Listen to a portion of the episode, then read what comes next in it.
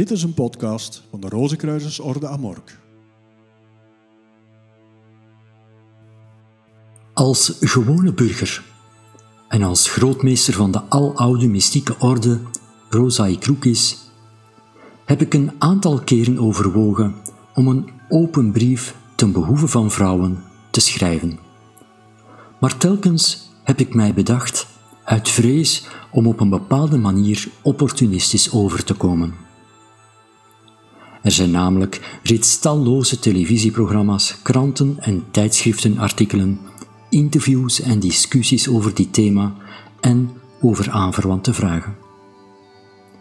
Denkt u aan gelijkheid, eerlijkheid, misbruik, discriminatie, etc. Na heel wat twijfels heb ik uiteindelijk besloten om deze open brief aan vrouwen te schrijven, zodat degenen die dit lezen zelf kunnen bepalen in hoeverre de Rozenkruisers voorlopers zijn geweest op dit gebied. Allereerst lijkt het me belangrijk om te verhelderen of te herhalen dat traditioneel gezien de Rozenkruisersorde teruggaat tot de mysteriescholen van het oude Egypte. Vrouwen mochten aan deze scholen deelnemen op dezelfde basis als mannen. Onder de meesters of leraren die deze scholen leidden, trof men vrouwen aan. In het algemeen gesproken werd de vrouw in de Egyptische beschaving zeer gerespecteerd, al was het maar omdat zij leven schonk, hetgeen als het hoogste goed werd beschouwd. Egypte werd een aantal keren door vrouwelijke farao's geleid, onder wie Hatshepsut en Cleopatra, die het bewijs leverden van hun intelligentie en vermogens. Bovendien waren vele Egyptische koninginnen bekend omdat zij een zeer positieve rol speelden op sociaal en politiek gebied, zoals Kenneth Kaus, Tigi, Nefertiti, Moetuya Nefertari en anderen. Overeenkomstig haar traditie heeft de Rozenkruisersorde Amork altijd opengestaan voor beide geslachten en telt zij feitelijk net zoveel vrouwen als mannen in haar gelederen. In de Franstalige jurisdictie was de tweede grootmeester een vrouw, namelijk Jeanne Guédon. Er zijn andere jurisdicties waar vroeger of nu een vrouw aan het hoofd heeft gestaan. Er zijn ook vrouwen die verantwoordelijk zijn voor het toezicht in een regio, of die, op plaatselijk niveau, de leiding hebben over een loge. En dat is een plek waar rozenkruisers desgewenst bijeen kunnen komen om gezamenlijk te werken. De Rozenkruisersorde heeft daarom niet gewacht op het debat over seksengelijkheid voordat zij vrouwen op gelijke basis accepteerde en dezelfde bevoegdheden en rechten toekende.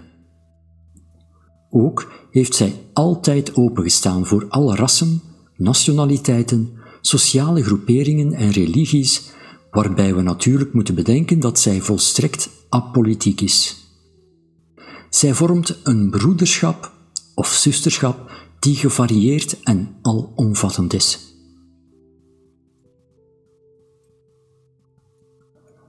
Hoe komt het dat vrouwen duizenden jaren lang en tegenwoordig nog steeds niet als de gelijke van een man zijn beschouwd en onderworpen zijn aan allerlei vormen van discriminatie en onderdrukking?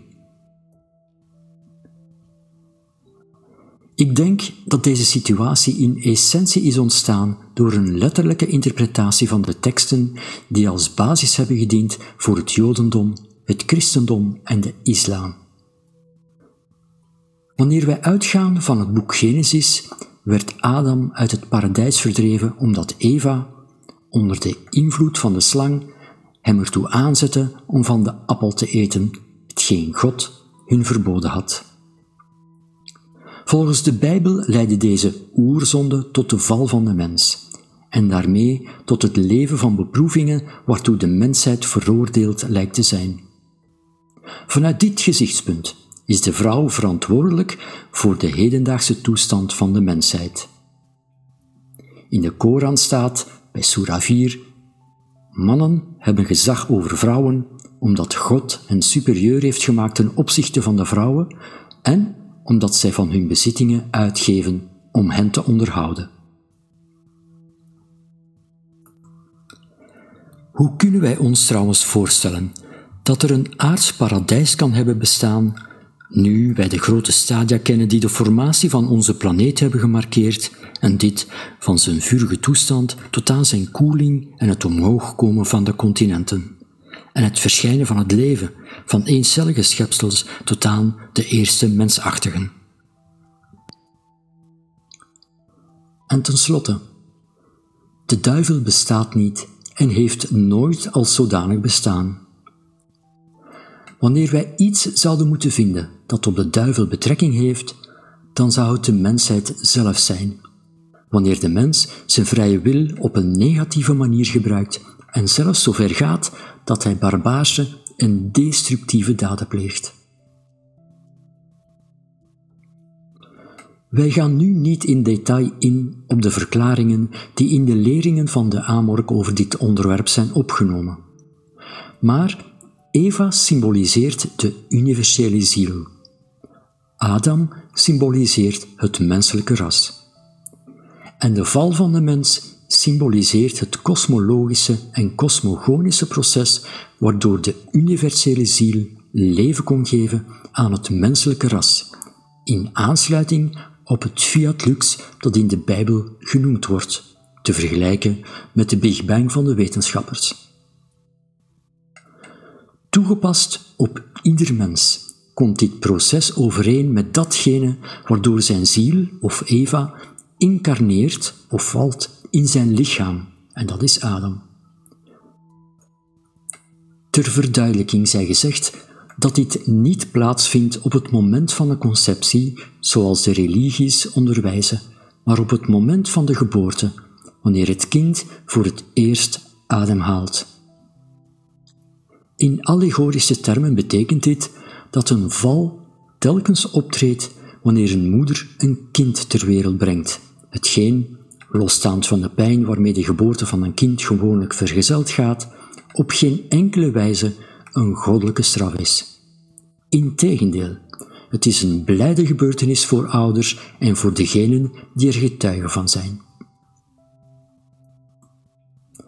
De Joodse en christelijke religie stellen de vrouw verantwoordelijk voor de val van de mens en voor de huidige toestand van de mensheid, met al haar ongeluk, beproevingen en lijden. Daarom beelden zij gedurende zeer lange tijd de vrouw uit als een wezen dat gemakkelijk valt over te halen, corrupt van aard is en geneigd tot het kwade. De Rooms-Katholieke Kerk stelde zelfs misschien niet dat de vrouw geen ziel heeft, maar dan toch dat zij een gemakkelijke prooi voor Satan was. Dat leidde tot de vele veroordelingen wegens ketterij en het even grote aantal martelingen wegens hekserij. Er was evenwel niets duivels aan diegenen die veroordeeld en gemarteld werden. Zij waren de slachtoffers van het onbenul, fanatisme en fundamentalisme van degenen die hen in de naam van God uitleverden aan inquisiteurs en beulen. Vrouwen hebben zeer beslist een ziel en hebben die altijd gehad. Deze heeft dezelfde oorsprong en dezelfde aard als die van de man. Alle zielen zijn in feite uitstralingen van de universele ziel.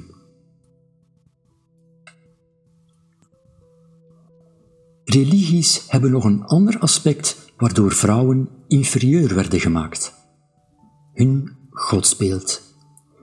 De meeste religies hebben God namelijk als een superman uitgebeeld die ergens in de hemel zetelt en zich jegens de mensheid gedraagt als een vader jegens zijn kinderen.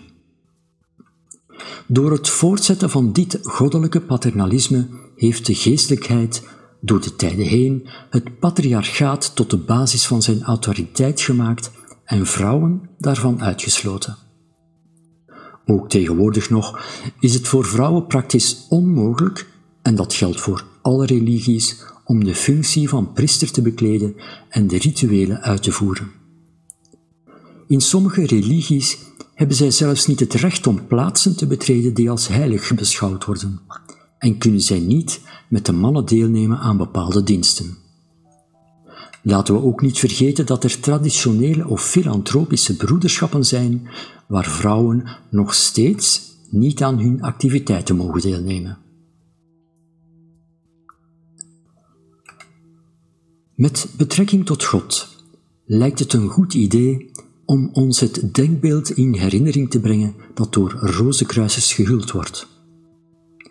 Voor hen is God een intelligentie, een bewustzijn, een kracht, een energie die zowel absoluut als onpersoonlijk is. In mijn moedertaal, het Frans, hebben al deze woorden waarmee we de schepper beschrijven het vrouwelijke geslacht. Waarom zouden we dan niet spreken van een schepster?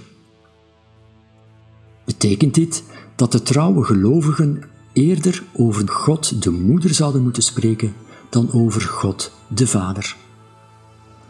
God, Jehovah, Allah, Brahma of welke God dan ook is niet antropomorfisch, is nog mannelijk, nog vrouwelijk en dus nog paternalistisch, nog maternalistisch ten opzichte van de mensheid. Eén ding is zeker. Wat voor beeld we ons ook erover vormen, dit wezen heeft nooit voorgeschreven dat de man superieur was aan de vrouw. Laat staan dat de vrouw zich om bepaalde reden aan de man moest onderwerpen. De geestelijkheid heeft echter langdurig dit standpunt verdedigd en er daardoor voor gezorgd dat de vrouw door de eeuwen heen als ondergeschikt werd beschouwd. Veel antropologische ontdekkingen en studies tonen aan dat sinds de oudste tijden op alle werelddelen matriarchale gemeenschappen hebben bestaan. Los van de religieuze geloofstellingen die deze aanhingen, hadden zij gemeen dat ze vredelievend waren, te voorrang gaven aan het gemeenschappelijk belang, zoveel mogelijk aan de behoeften van alle burgers tegemoet kwamen en de natuur respecteerden. De meesten wijden zich aan de natuur via moeder aarde, die zij in verband brachten met de goddelijke moeder, de opperste goddelijkheid die volgens de voorouderlijke tradities het universum en alles wat het bevat heeft voortgebracht. Als de bekendste van deze gemeenschappen kunnen wij noemen de Iberianen of Iberiërs, Etrusken, Harapans, Karakumi, Minoërs, Naxi, Irokezen, Arawaks, waaronder het Wayuu-volk, Khazi en Bhutanen. Natuurlijk waren deze matriarchale gemeenschappen niet volmaakt, maar in vele opzichten waren zij veel verder gevorderd dan de meerderheid van die welke patriarchaal waren ingesteld.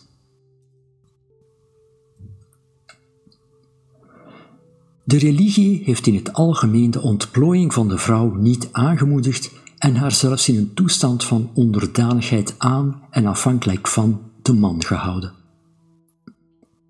Ook de politiek heeft zich nooit gehaast om de vrouw hiervan te bevrijden en haar de kans te geven om haar latente intelligentie en creativiteit ten volle tot uitdrukking te brengen. Eeuwenlang zijn vrouwen systematisch weggehouden van de macht, en dat was tot voor kort nog steeds zo. Het voorwendsel daarbij was dat zij een gevoel voor realiteit en autoriteit misten. Geholpen door de religie, verblind door de hoge die ze van zichzelf hadden en overtuigd van de natuurlijke superioriteit van de mannelijke sekse, waren de mannen die in de politiek zaten heel lang geneigd zich neerbuigend of erger nog, minachtend uit te laten over vrouwen wanneer die op dit gebied zelfs maar een mening durfden te uiten. Bedenk wel dat wij tot het begin van de 20e eeuw moesten wachten voordat vrouwen mochten gaan stemmen. Ook tegenwoordig is het, zelfs in democratieën, voor een vrouw veel moeilijker dan voor een man om in de regering terecht te komen. Ook de toegang tot kennis was lange tijd verboden voor vrouwen.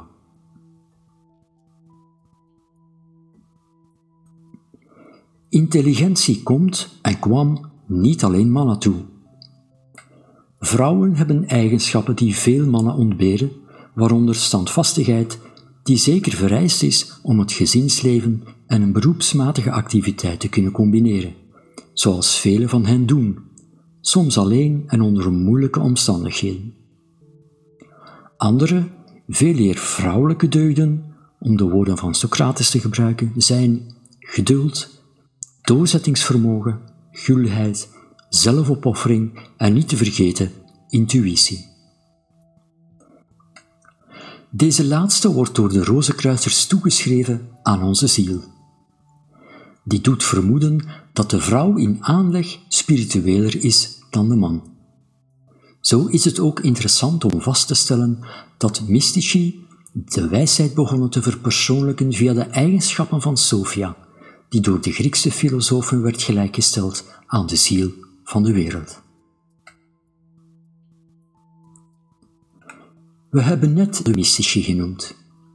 In dit verband kan het nuttig zijn te verduidelijken dat de Rozenkruisers altijd eer hebben betoond aan vrouwen die ten dienste van begrip en wijsheid werken en gewerkt hebben.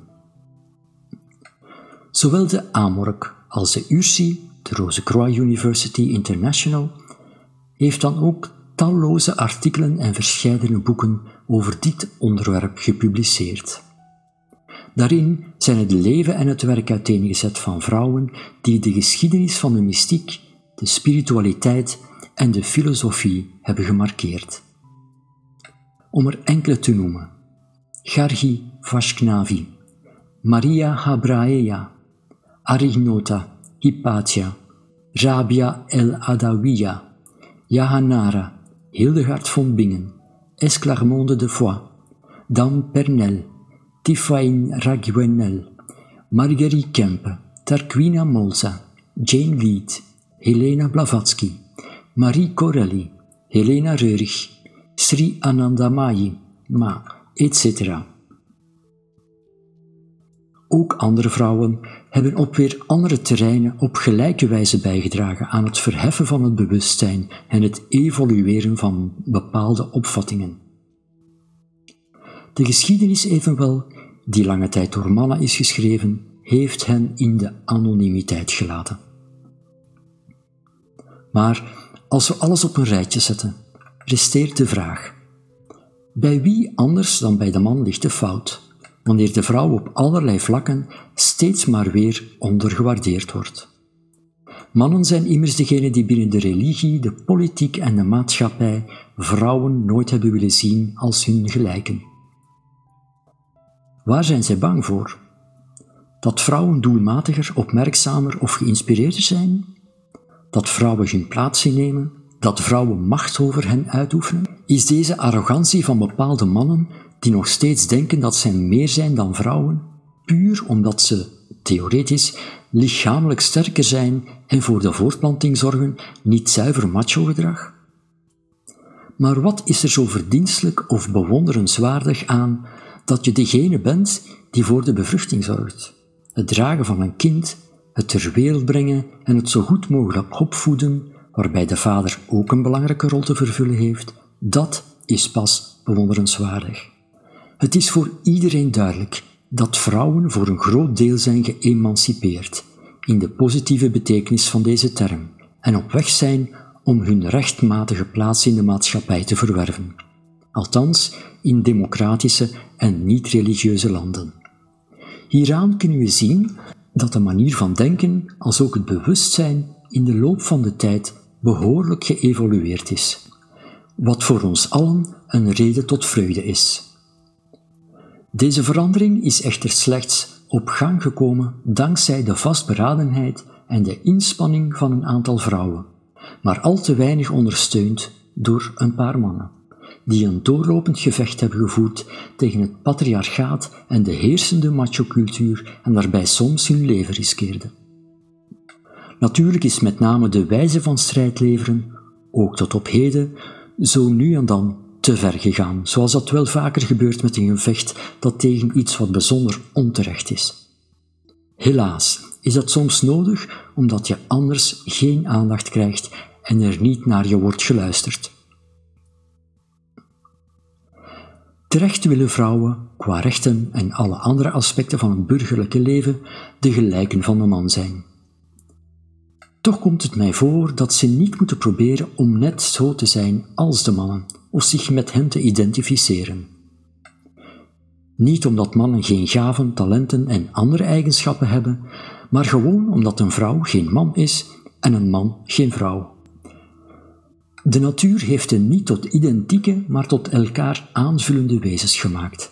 En ik denk dat zij hun ziel zouden verliezen wanneer zij dit aanvullende karakter zouden opofferen in naam van een gelijkheid die hun verschillen uitsluit. Jung zei terecht dat alle vrouwen een mannelijke kant hebben, de animus, en alle mannen een vrouwelijke kant, de anima. Dit betekent echter niet dat zij, in hun doen en laten en in wat ze zijn, zozeer op elkaar moeten lijken dat ze identiek worden. Naast de gelijkheid van man en vrouw is ook de evenredige vertegenwoordiging al enige tijd het onderwerp van gesprek. Op grond van deze relatief recente zorg zien we dat van de maatschappij, van allerlei instellingen, bedrijven en organisaties verwacht wordt dat ze in hun besluitvormingsorganen een gelijke verdeling van mannen en vrouwen nastreven. Omdat het daar nogal eens aan schort, en dan hebben we het nog niet eens over de verschillen in beloning voor hetzelfde soort werk, is het te begrijpen dat de werkgever geneigd is hierbij in te grijpen. Strikt genomen echter zou de balans tussen mannelijke en vrouwelijke vertegenwoordiging, of liever gezegd het evenwicht man-vrouw, op natuurlijke wijze tot stand moeten komen, met als enige criterium vakbekwaamheid. Het zal nog heel wat jaren of decennia kosten voordat dit het geval is, maar het komt. Wanneer we terugkijken, kunnen we ons afvragen hoe de mensheid er zo lang over heeft kunnen doen om deze balans te respecteren en gestalte te geven. Er is macho-gedrag, maar helaas zijn er ook veel mensen die vrouwen haten of verachten. Zij voelen zich niet alleen boven vrouwen verheven, maar tasten ook hun waardigheid aan. Dat is zowel kwaadaardig als dom, maar het is moeilijk, zo niet onmogelijk, om de betrokkenen afstand te laten doen van hun vooroordelen of psychologische blokkades. In elk geval moeten wij kinderen opvoeden met respect voor de vrouw en in het algemeen voor de mens. Het is dus de taak van de ouders, met name de vader, om het voorbeeld te geven. Maar dat is niet voldoende. De gehele samenleving moet op alle terreinen ophouden het vrouwbeeld te beschadigen. Het heeft geen zin om te zeggen dat dit niet het geval zal zijn zolang de mens nog beheerst wordt door zijn meest basale instincten. Ook hier zal de evolutie van het bewustzijn en de mentale instelling haar werk verrichten. Zoals iedereen nu wel begrijpt, kan ik het gevoel van onrecht begrijpen waaraan vrouwen in de loop van duizenden jaren en ook nu nog ten prooi zijn gezien de ongelijkheid en de vreedheden waaraan zij nog altijd onderworpen zijn. Ik ben dan ook blij om te zien dat zij toegang krijgen tot ambten en verantwoordelijkheden die lange tijd op talloze terreinen aan mannen waren voorbehouden. De politiek, economie, techniek, wetenschap, industrie, media en wat is meer. Als idealist, om niet te zeggen utopist, kan ik het gedrag van vrouwen die de meeste negatieve zwakheden van hun mannelijke tegenpolen manifesteren, zoals arrogantie, autoritair optreden, agressiviteit, bedrog, schijnheiligheid, etc., slechts afkeuren. Wij kunnen van vrouwen natuurlijk niet verwachten dat zij volmaakt zijn, en dat is geen mens, maar we kunnen op zijn minst hopen dat zij een andere kant laten zien. Bij dit alles ben ik nog steeds vol vertrouwen en blijf denken dat vrouwen de wereld tot een betere plaats kunnen maken. En zij zullen slagen waar de mannen, waar ik deel van uitmaak, veelal in gebreken zijn gebleven. In termen van de Rozenkruisersfilosofie leeft ieder mens op aarde om spiritueel te evolueren en de staat van wijsheid te bereiken. Dat wil zeggen om zich ervan bewust te worden dat in haar of hem een ziel bestaat en om de deugden daarvan, zoals integriteit, nederigheid, vrijgevigheid, vriendelijkheid en vredelievendheid tot uitdrukking te brengen via zijn of haar gedrag. Ervan uitgaande dat zo'n doelstelling niet in één levensspanne kan bereikt worden, onderschrijft de meeste rozenkruisers het beginsel van reïncarnatie. Krachtens dit beginsel, of liever gezegd deze wet, zijn wij op sommige momenten een man en op een andere een vrouw, in overeenstemming met wat wij kiezen en wat op een bepaald punt het nuttigst voor ons is om deze spirituele evolutie te vervolmaken. Wanneer u dit accepteert, begrijpt u dat het in ons aller belang is, dus voor alle mannen en vrouwen, dat wij gelijkheid tussen de geslachten bewerkstelligen.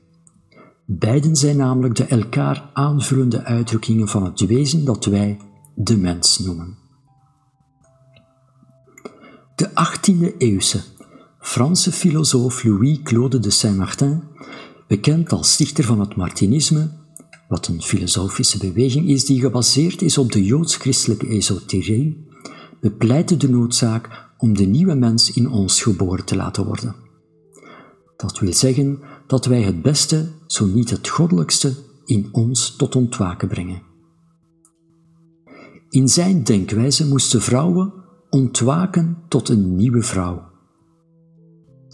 Ik zal Jacob Beume enigszins aangepast citeren door te zeggen dat de mensheid van vandaag hoognodig bij zinnen moet komen en een nieuwe mensheid ter wereld moet brengen, gebaseerd op waarden die niet uitsluitend vrouwelijk of mannelijk zijn, maar simpelweg menselijk.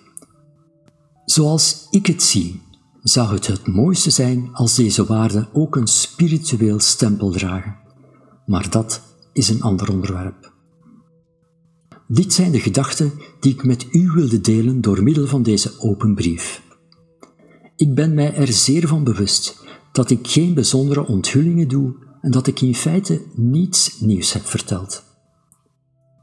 Zie het meer als een bevestiging van het respect dat de Amork en haar leiders altijd aan vrouwen betoond hebben. Ik zal niet zeggen dat de vrouw de toekomst van de mensheid is, maar het lijkt me duidelijk dat de mensheid geen toekomst heeft zonder de vrouw. Ik zend u bij deze bijzondere gelegenheid mijn meest zusterlijke gedachten. Met vriendelijke groet.